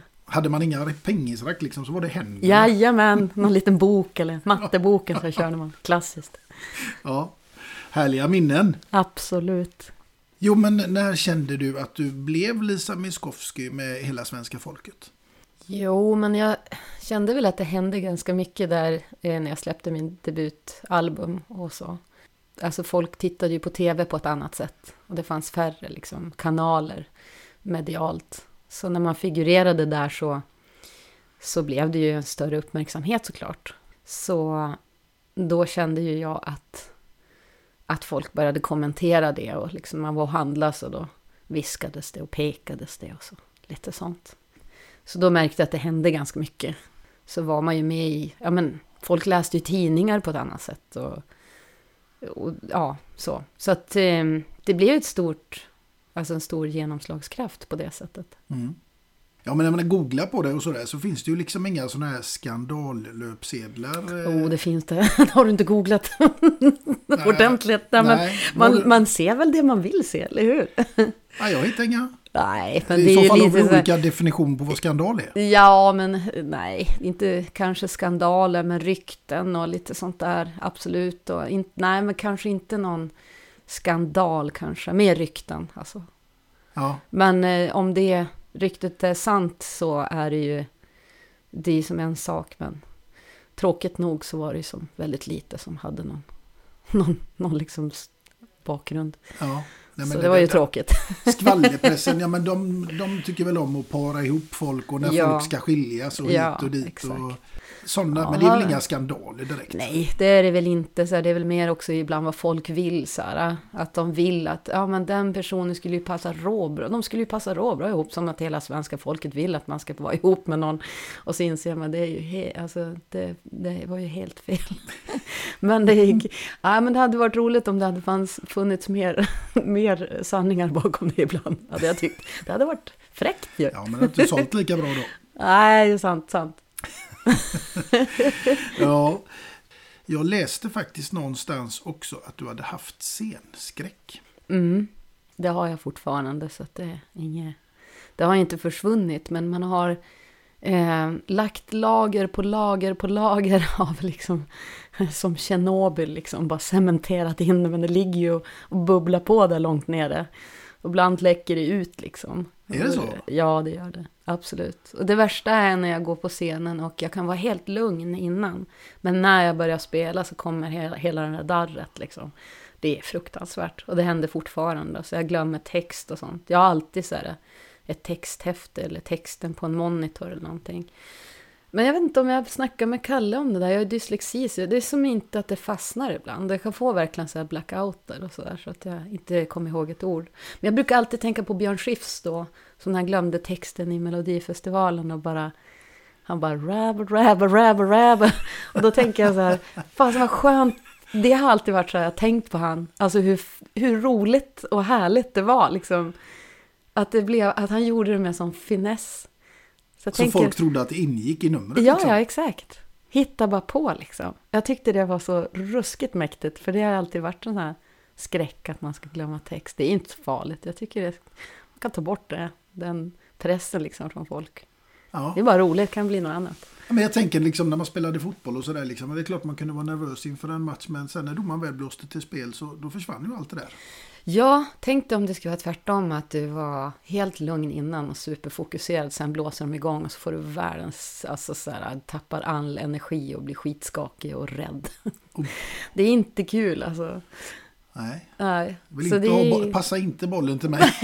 Ta någon annan. Jag kan ju inte passa, eller jag kan inte be någon passa till någon annan. Liksom. Kan inte du sjunga istället? Ja, exakt. kan inte du ta första versen? Jag kommer inte ihåg ett skit. Du och trummisen kan väl ha någon liksom... Han vevar med trumpinnen. Har en sån här tomtebloss som man skriver i luften, liksom första raden. Nej, jag har ingen aning. Det är skitläskigt ju. Och alla, jag vet, det var någon som sa i något program jag skulle göra att men varför har du den här texten? Det är helt, så kan du inte dina egna texter. Jag bara, du vet du vad, jag har gjort det här i så här hundra miljoner år. Bara, du, du kan väl ta min plats då, så kan jag göra ditt kamerajobb här. Ja. Jag vet inte vad som skulle vara värre eller sämre, men alltså du vet så här, jag, jag orkar inte. Men då kan jag bli, alltså, jag, man har ju lärt sig säga ifrån. Alltså, det är som, det är som ingen, jag, jag försöker inte liksom dölja det heller. Nej. Så jag vet det finns andra som har samma, samma sak och gör på samma sätt. Så jag menar, det, det har ju blivit min trygghet liksom. Det ingår i jobbet på något sätt. Ja, och kriga för att man ska få ha sin text någonstans. Mm. Den är där någonstans. Vi kan alltid kolla, antingen har jag skrivit det på någon liten lapp på gitarren eller finns alltid där alltså. Ja. I handen har jag också skrivit. Ja, det är bra. ja, ja. Jag avslöjar alla mina tricks. Ingen bra trollkvinna. Nej, men det ska man göra. Man ska vara den man är.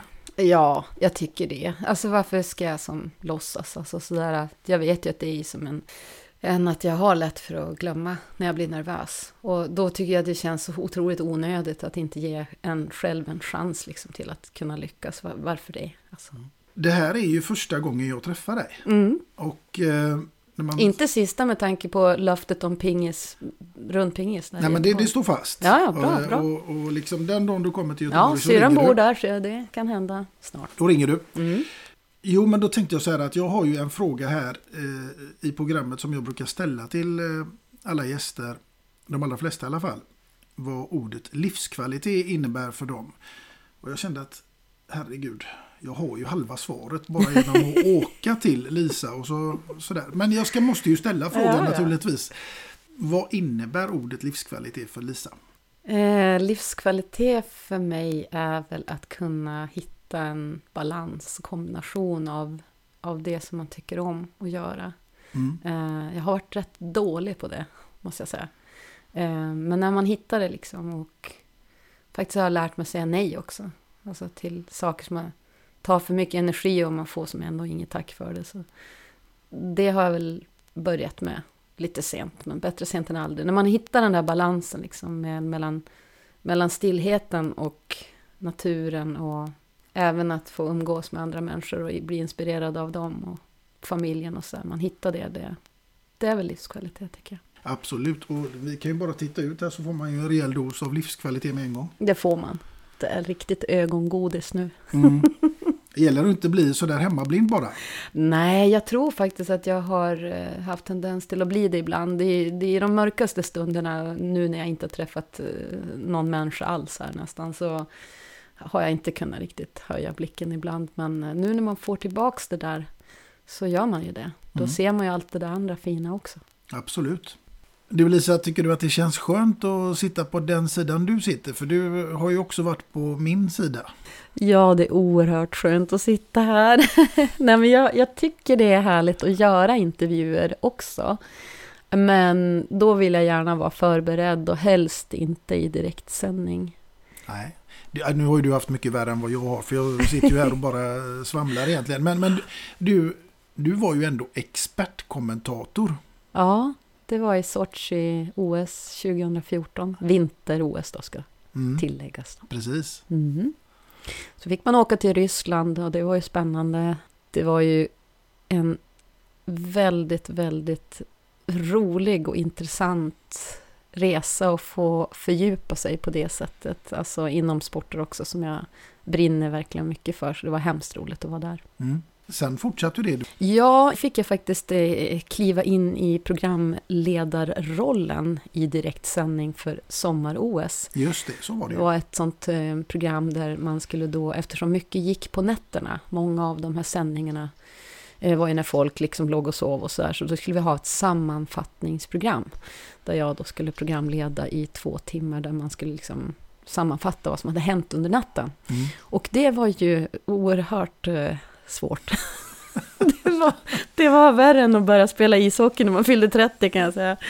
Herregud, ja, det var tufft. Man, Vad var, vad var det som var det tuffaste där tycker du? ja, men man sov ju liksom någon timme per natt och så sen så skulle man ju ja, men det är så här, förbereda all program och gå igenom och få med sig också vad som hände samtidigt som, som att jag kunde ju inte... Ja, men jag kommer ihåg bara så här när man skulle... Eh, ha- hade ju två timmar typ när Mm. man skulle träna då. Mm. Och ja, han bara, ja, då kör vi. Ja, du kan du göra en påa och en eh, påa och ja, men sen en dubb i kamera ett. Jag bara, alltså, då var det direkt, jag var helt tyst, du vet så här. Alla fick dra i handbromsen och titta kameramännen fram och titta på mig. Gästerna i soffan titta på mig och så, jag bara, ja, alltså, jag vet inte vad en påa är och och den där dabben kan jag också förklara, vart fan är kamera ett alltså? Så då kände ju alla bara, shit, det här kommer bli tough two weeks alltså, det kommer bli väldigt svår, svårt. Men det är underbart. Ja, det var ju panik. men, men alltså, sen tycker jag på slutet så här, då var det någon sändning som, som gick ganska bra faktiskt, måste jag säga. Även för vara jag. Jag tyckte allt, alla sändningar gick ganska, alltså verkligen strax under medel. Jag var aldrig nöjd. Det var en jobbig känsla att aldrig känna att man liksom kunde komma igenom en sändning, att inte det blev en flopp någonstans. Men det var en sändning då det nästan gick bra. Jag bara kände så här, shit, det här är, nu är jag på gång. Kanske kan, jag kanske kan liksom vara lite nöjd efter, efter ett program. Men då kom det någon sån här eh, cykel, ja det var så hemskt. Det var en eh, cykelolycka där det var en holländsk, jag tror det var en kvinnlig cyklist som hade kraschat. Och riktigt, riktigt illa. Mm. Och så skulle jag säga hennes namn. För att jag, jag kände så här, jag, jag försökte verkligen säga att jag, jag vill inte säga namnet för det blir, det blir komiskt, för jag kan inte uttala det här. Och det kommer att låta komiskt. Jag kommer inte heller kunna förmedla det på ett bra sätt. Liksom. Så kan jag inte bara säga och ja, men, mörka lite med att den holländska cy- cyklisten liksom, vi ska titta på det, eller ja, Mm. det ska man inte heller säga. Men, men eh, att göra det som lite halvsnyggt. Men det, då skulle jag ändå säga namnet. Och det blev ju, alltså, mörker, totalt mörker. Och jag kände bara, jag visste inte om jag skulle skratta eller om jag skulle gråta. Och så var det så hemskt med den här hemska olyckan. Jag var ju så här medvetslös och var på sjukhus. Och jag kände bara, äh, det här, nej det gick inte idag heller. Jävlar, ursäkta mig. Nej men jag var bara så besviken. Att man inte fick liksom, man kunde inte, det, blev, det, det nöp alltid någonstans liksom. Så Mm. det, det, var, det var jobbigt. Och efter det tror jag kände att jag vill aldrig mer göra en sån typ av grej där jag kände mig så här, jag visste inte, jag visste inte riktigt vad det var heller, vad det innebar. Och nu när jag tittar på programledare så bara, blir full beundran av han Ola som kommenterar fotbollsstudio och sån här, han var ju med i Sochi Ja, också just som programledare, alltså herregud. Ola Wenström. Ja, och även Carolina Klüft som också så här, Mm. ja, vilka hjältar. Alltså, Absolut. Ja. Mm. Jag gillar ju även han, eh, han kör ju mycket hockey eh, och även en del fotboll, eh, Niklas Holmgren. Fantastisk. Mm. Ja, han är härlig. Han var med där också. Så jag fick ju möta av de rösterna som man hör nu när det är fotboll. Och vi hade jättekul faktiskt. Och Också Mattias Brännström som också eh, kommenterar mycket golf och sådär. Gör mycket reportage och så. Nej, det var jättehärligt gäng. Och många har jag kontakt med idag också. Mm. Det är jättekul. De ringer dig när det är direkt, direktsändning. Nej, de ringer helst inte mig när det är direktsändning. Det har de lärt sig att de inte ska göra. Då men- svarar jag inte. Nej men direktsändning måste ju vara det tuffaste som finns liksom. Ja, alltså det är ju någonting. Jag tyckte också, jag gillar liksom så här att man, man blir ju extremt skärpt och det är skarpt läge. Det är som en livespelning liksom. Så det, det gillar jag ju egentligen. Men när man inte har chansen att veta exakt vad som händer. Nej. Jag gillar inte att vara oförberedd. Alltså det, eller att liksom kunna framföra saker på ett sätt som jag vill göra det. då repar ju jag innan. Så Mm. har jag alltid gjort. Mm. Och eftersom jag har scenskräck så repar jag mycket. Mm. Så vad du säger till mig, du, det är liksom Anders, innan du kommer till mig nästa gång så kan du väl kolla så att du får igång datorn. Vi har ju hjälpts åt här ju. Vi har ju varit jätteduktiga och fixat med, med wifi och sladdar och grejer. Ja. Så jag tycker vi har, det har varit ett teamwork alltså från, från början till slut. Verkligen. Det hade inte blivit någon vidare bra intervju utan dig här idag Lisa. Så att eh, jag är sjukt eh, nöjd och fått gjort den här eh, intervjun och haft den här otroligt trevliga stunden ihop med dig. Tack så hemskt mycket dito, säger jag. Tack. Tur att det inte är direktsändning. Nej, eller hur? så sjukt härligt. Ja, Nu ska jag laga klippa. mat. Ja, jag ska spara det så att det försvinner. Ja, det är bra. Den, den är bra. Den, det är också så här när man har gjort en, någon sån här live-tagning i studio och så bara... "Ah, Jag tryckte inte igång. Alltså det har hänt någon gång när man har kört liksom. Att inte någon var... Alltså... Och så var det världens... Ja, jag, jag tyckte... Det hände bara för inte så länge sedan. Du, visst känner du, hörde jag bara från min ljudtekniker. Bara, visst känner du att du kan göra den där lite bättre? Jag bara, nej. Han bara... "Eh." Jag bara, du säger inte att du inte spelar in. Jo, jag är glad. bara, Visst alltså, känner- jag säger att vi känner att du har en bättre tagning i det. Jag bara, nej, det har jag inte. Men då, nej, jag är rätt chill med det. Det gick bra ändå. Men, men eh, det är alltid trevligt när man trycker på play eller sparar. Tycker jag. Det är en fördel alltså. Det börjar lida mot sitt slut med den här fantastiska stunden här hemma hos dig i det här sagolika huset och i den här enormt fantastiska miljön. Magiskt. Ja, Bottenviken, det är vackert. Ja. Mm. Ja, det går faktiskt att surfa precis utanför ön som du ser här ute. Det är mitt e- min egen som jag upptäckt, min egen spot. ja, Mm. där har du en öde. Jajamensan, och där finns det väldigt speciella fågelarter, bland annat skränternan som är väldigt eh, ovanlig. Häckar bara några par längs kusterna här, så att den, den brukar man se just den här tiden. Så att det, det är häftigt att vara där ute. Ja. Alltså surfa och vara omgiven av det här fågellivet nu på vårarna. Ja, det låter väldigt långt bort från mig men det kanske, jag kanske skulle behöva det. Ja, du, det är verkligen fräckt. För nu den här tiden så kan man surfa dygnet runt, för det blir ju aldrig riktigt mörkt. Så jag har faktiskt varit ute där någon gång så mellan 12 och 2 på natten. Och ha månen då som är uppe på himlen samtidigt som du hör alla fåglarna och sitta där och vänta på vågorna. Det är, alltså, det är ruskigt mäktigt. Då tror man att då får tiden gärna stå still. Ja, jag tänker så här att eh, jag skulle få bidra med någonting till ditt kök. Trevligt! Ja, och det är en mugg. Ja! Som jag ja. tänkte att jag skulle få räcka över till dig här Ja, men nu. vad fint! Ja, och där får du Tack. eh, med loggan på och givetvis också ditt namn. Ah, det är bra, då är det ingen annan i familjen som tar den. Det är Nej, perfekt. precis. För läskunniga är de ju allihop. Ja, det är de. Ja. Nu kommer de ta den bara för att jag sagt så här nu. Ja, det är så. ja, vi har, det är mycket humor här i. Mm. Dricker du kaffe på morgonen? ja, jag måste göra det. Men jag började inte dricka kaffe förrän jag var 40. Så att jag är en sen bloomer, late bloomer när det gäller kaffedrickande. Ja, men det är bättre sent än aldrig. Ja, absolut. Och nu är det som att man måste ha den där koppen för att komma igång. Men också det är någonting med den där koppen att det, blir lite stillhet kring det och lite vördnad. Och så kan dagen börja rasa igång sen, men den får vara liksom det här uppvaknandet. Jag tycker om det. Jag Mm. behöver det. Härligt. Får du tänka på två låtar och en kändis. Det absolut, det kommer jag att göra. Ja. Jag får stå där vid Pluras kök där. Men den fick jag också när jag vann musiktävlingen där. Ja. Jajamän. ja, men den hoppas jag som sagt var att du eh, har som ett kärt och fint minne från denna stund. Absolut. Ska stå på finhyllan. Ja.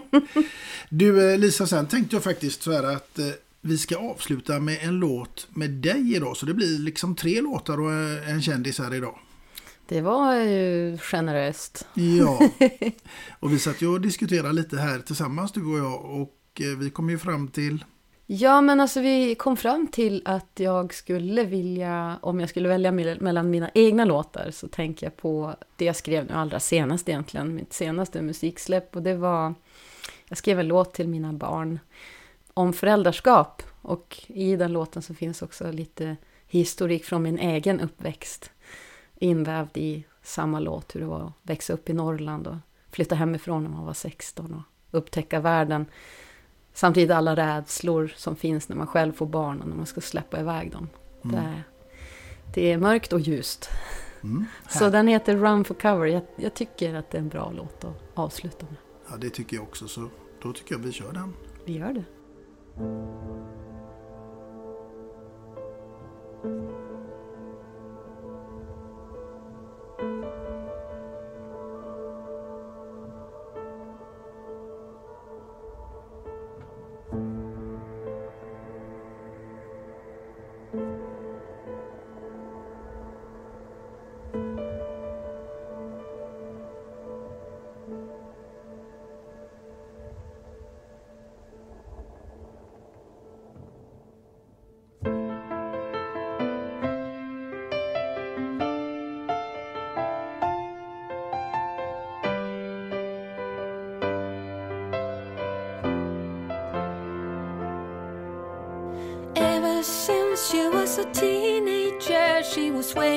That day to come.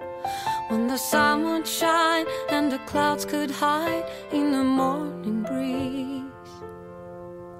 Sixteen years I moved away from home, left the band, took a bus to the northern land. Made some friends, played the guitar and sang the songs about the stars behind the moon. Thought love was disillusion, but there was darkness ahead.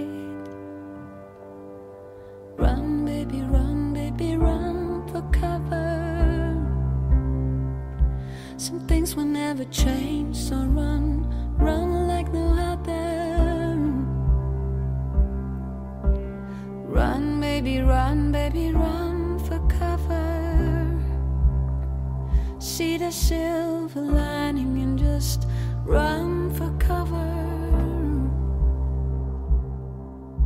The river runs fast through the small dark town. When you marry 18, then you settle down. Some dreams get lost, and the bright summer nights makes it hard to fall asleep.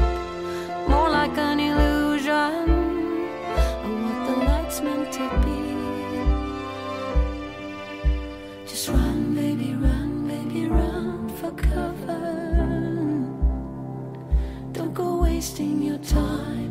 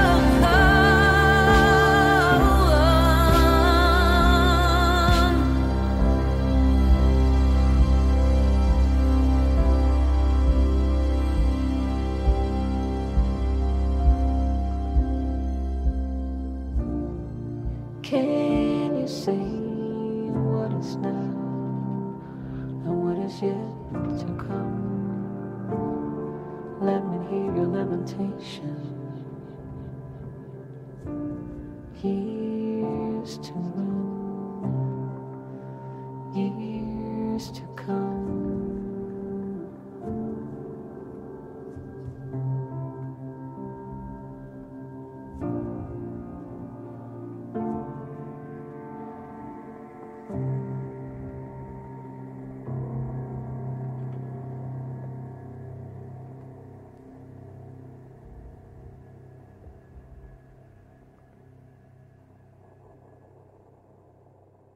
Det var allt för denna gång och eh, självklart så hoppas jag att ni finns med oss även i nästa veckas avsnitt och vem som sitter framför mig då, ja det återstår att se.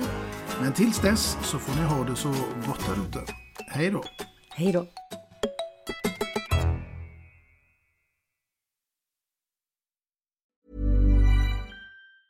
Planning for your next trip?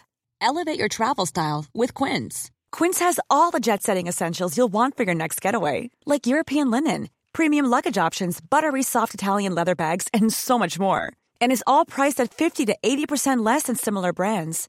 Plus, Quince only works with factories that use safe and ethical manufacturing practices. Pack your bags with high-quality essentials you'll be wearing for vacations to come with Quince. Go to quince.com/pack for free shipping and 365-day returns. Even when we're on a budget, we still deserve nice things. Quince is a place to scoop up stunning high-end goods for 50 to 80% less than similar brands. They have buttery soft cashmere sweaters starting at $50, luxurious Italian leather bags, and so much more. Plus, Quince only works with factories that use safe, ethical, and responsible manufacturing. Get the high-end goods you'll love without the high price tag with Quince. Go to quince.com/style for free shipping and 365-day returns. The secret to visibly firmer, summer ready skin is here. Osea's number one best selling Andaria Algae Body Oil, clinically proven to instantly improve skin elasticity and transform dull, dry skin to silky, soft, and unbelievably glowing. Rich yet never greasy, Andaria Algae Body Oil is formulated with sustainably sourced seaweed to help replenish the skin's moisture barrier and seven nourishing active botanical oils for results you can see and feel all over. The best part? It's signature scent. A blend of freshly squeezed grapefruit, cypress, and mango mandarin transports you to sun-kissed summer days. This all-natural scent is unforgettable. Everything Osea makes is clean, vegan, cruelty-free, and climate-neutral certified, so you never have to choose between your values and your best skin. Get healthy, glowing skin for summer with clean vegan skincare from Osea. Get 10% off your first order site-wide with code GLOW at OseaMalibu.com. That's OSEAMalibu.com code GLOW.